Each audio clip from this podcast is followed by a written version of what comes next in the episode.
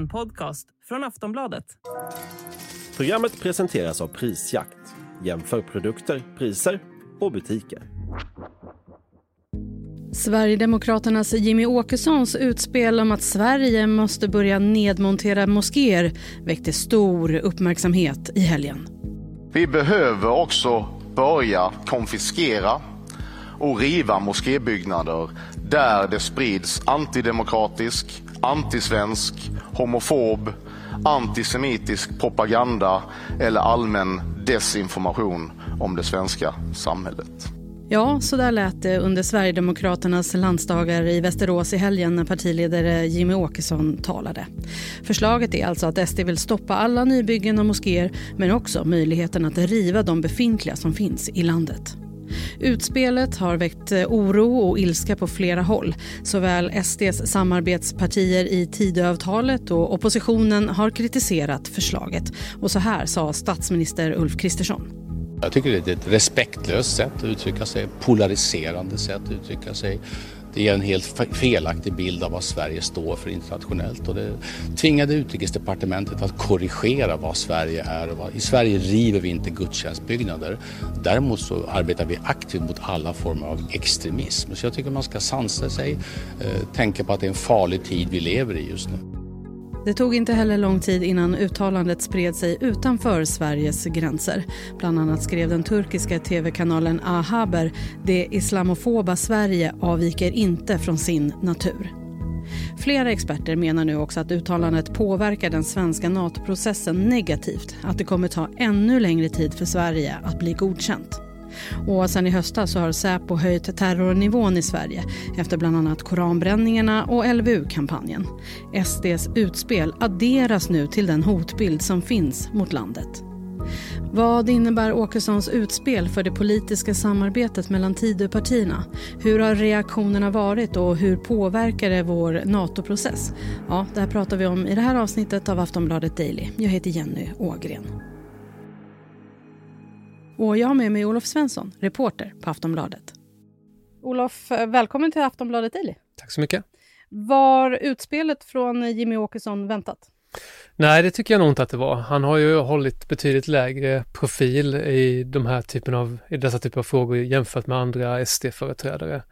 Eh, exempelvis Richard Jomshof. Eh, och det här, man måste säga att det här är väldigt långtgående förslag eh, som också väldigt många tog illa vid sig, vad vi i alla fall åtminstone vad vi har kunnat se i, eh, i medierapporteringen från muslimer då, som har kommenterat det här.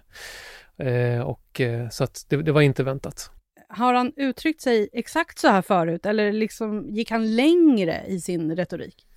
Alltså han har ju, han har uttryckt sig väldigt eh, islamkritiskt tidigare. Han, eh, en, redan 2010 så skrev han ju i en debattartikel i, i Aftonbladet att han då han ser framväxten av eh, det, det ökade antalet muslimer i samhället som ett, som ett hot. Och, eh, eh, men just det här med att riva moskéer måste man ändå säga att det är ett ganska drastiskt förslag som det, det har jag aldrig hört honom gå, gå så långt tidigare. Åkessons eh, Tidö-kollegor Ulf Kristersson, Johan Persson och Ebba Busch, de har alla kommenterat. Hur tolkar du deras reaktioner? Eh, jag tolkar det som att det är viktigt för dem att eh, snabbt gå ut och säga att det här kommer aldrig bli verklighet. Det kommer inte rivas några moskéer i, i Sverige så länge de har makten. Eh, och precis som du säger, Ulf Kristersson var ju ute blixtsnabbt och tog avstånd mot detta och sen såg vi även eh, eh, Johan Persson och Ebba Busch då på olika uttalanden på, på sociala medier.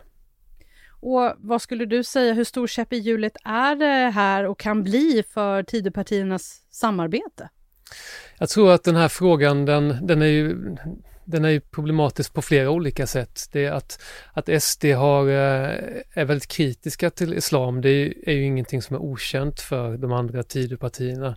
Men och dessutom så finns det ju också en, en ganska stor islamkritik hos andra partier också. Det, men däremot så, nu sitter man ju och, och ska, Sverige ska gå med i NATO. Eh, vi måste förhålla oss till, eh, till eh, andra delar av världen. Dessutom så pågår det ju en desinformationskampanj mot Sverige att eh, i vissa delar av världen så målas det ut som att hela Sverige är ett eh, islamfientligt land. Eh, och det, det, är klart att det här spiller över på, på regeringen och eh, på Ulf Kristersson och hela Tidöpartiet. De kommer behöva förhålla sig till det här på ett eller annat sätt och de kommer behöva gå ut och berätta att det här är inte regeringens politik utan det här är Sverigedemokraterna och Sverigedemokraterna sitter inte i regering.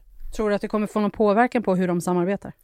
Det kommer ju inte, jag, jag tror inte att det kommer innebära att eh, Tidöavtalet spräcks eh, på något sätt men absolut det kommer ju jag tror att eller jag är övertygad om att eh, de, de har pratat om det här och det har jag också eh, förstått när jag ringt runt till företrädare för regeringen att eh, Moderaterna har ju haft eh, kontakt med Sverigedemokraterna om, om, och påtalat att det här, det här är olämpligt.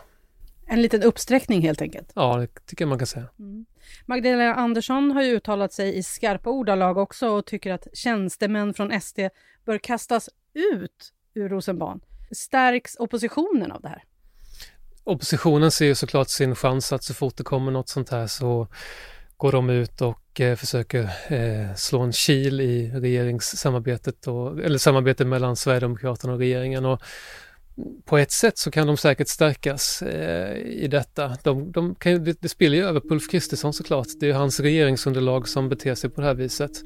Å andra sidan så kan det också kastas tillbaka till eh, Socialdemokraterna, vilket det också gör. Att eh, regeringsföreträdare är ju snabba med att eh, anklaga Magdalena Andersson för att inte ha tagit itu med eh, problemen i hennes parti vad det gäller antisemitism och så vidare. Vi ska prata mer om vad uttalandet får för konsekvenser för vår NATO-process. Vi är snart tillbaka.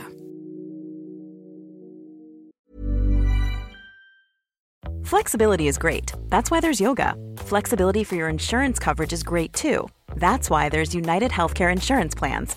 Underwritten by Golden Rule Insurance Company, United Healthcare Insurance Plans offer flexible, budget friendly coverage for medical, vision, dental, and more.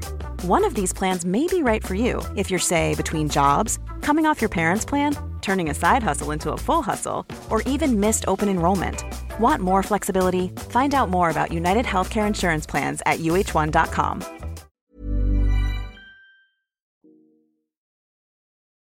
Under måndagen så skrev Jimmy Åkesson på Aftonbladet Debatt om uppståndelsen efter uttalandet i helgen. I debattartikeln skriver han bland annat att han är innerligt trött på de ständiga hänvisningarna till den pågående NATO-processen och att han med sitt utspel inte velat peka ut alla muslimer utan att han istället kritiserat islamism och antidemokratiska uttryck som den ger uttryck för. Men hur kan utspelet påverka den svenska NATO-processen? Vi hör Olof Svensson igen. Nu är jag ingen expert på just NATO-processen men jag, man noterar ändå att det skrivs ju om det här i, i turkiska medier och eh, jag menar Turkiet är ju ett muslimskt land. Eh, den absolut största majoriteten av befolkningen är muslimer och eh, det är klart att den här typen av uttalanden, det, det ser inte bra ut när, när, eh, när det kommer från ett parti som faktiskt också har eh, en, en makt i Sverige. Och det har ju såklart varit reaktioner både i Turkiet men också även här på hemmaplan. Hur har muslimer i Sverige reagerat på det här uttalandet? Kraftfullt. Eh, det kom ju direkt eh, fördömande från muslimska organisationer och eh, företrädare för de stora moské moskéerna. Jag såg en, ett uttalande igår att man jämför det här med Nazityskland och förföljelsen av den judiska befolkningen då. Så det är klart att det, folk är arga, besvikna och ledsna. Och vi har ju religionsfrihet i Sverige och juridiskt så är det ju liksom olagligt att riva den här typen av byggnader. Så skulle SD kunna göra verklighet av det här egentligen?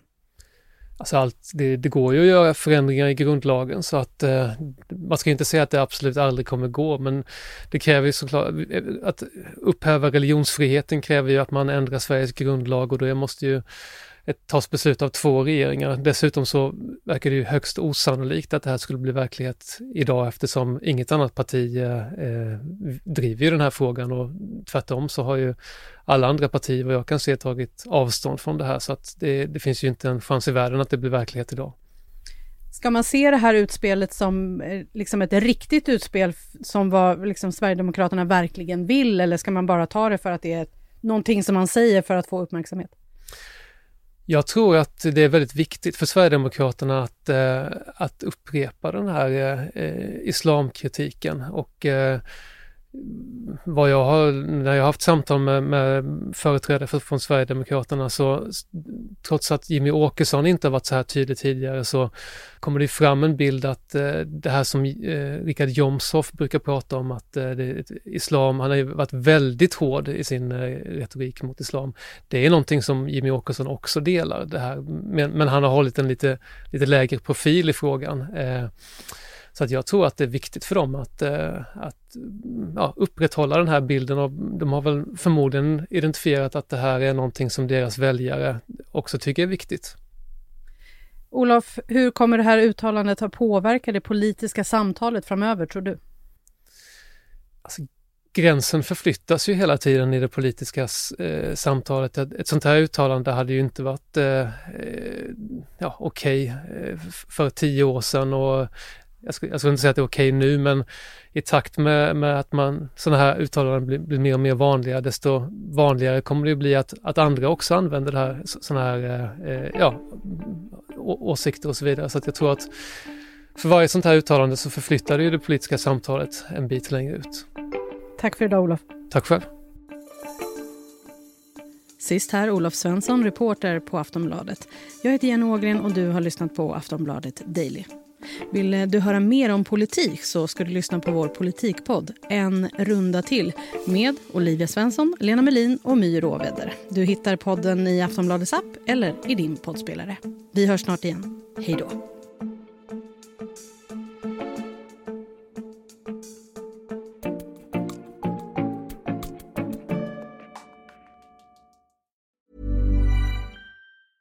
Tired of ads barging into your favorite news podcasts? Good news. Ad-free listening is available on Amazon Music for all the music plus top podcasts included with your Prime membership. Stay up to date on everything newsworthy by downloading the Amazon Music app for free or go to amazon.com slash news ad free. That's amazon.com slash news ad free to catch up on the latest episodes without the ads. Du har lyssnat på en podcast från Aftonbladet. Ansvarig utgivare är Lena K Samuelsson.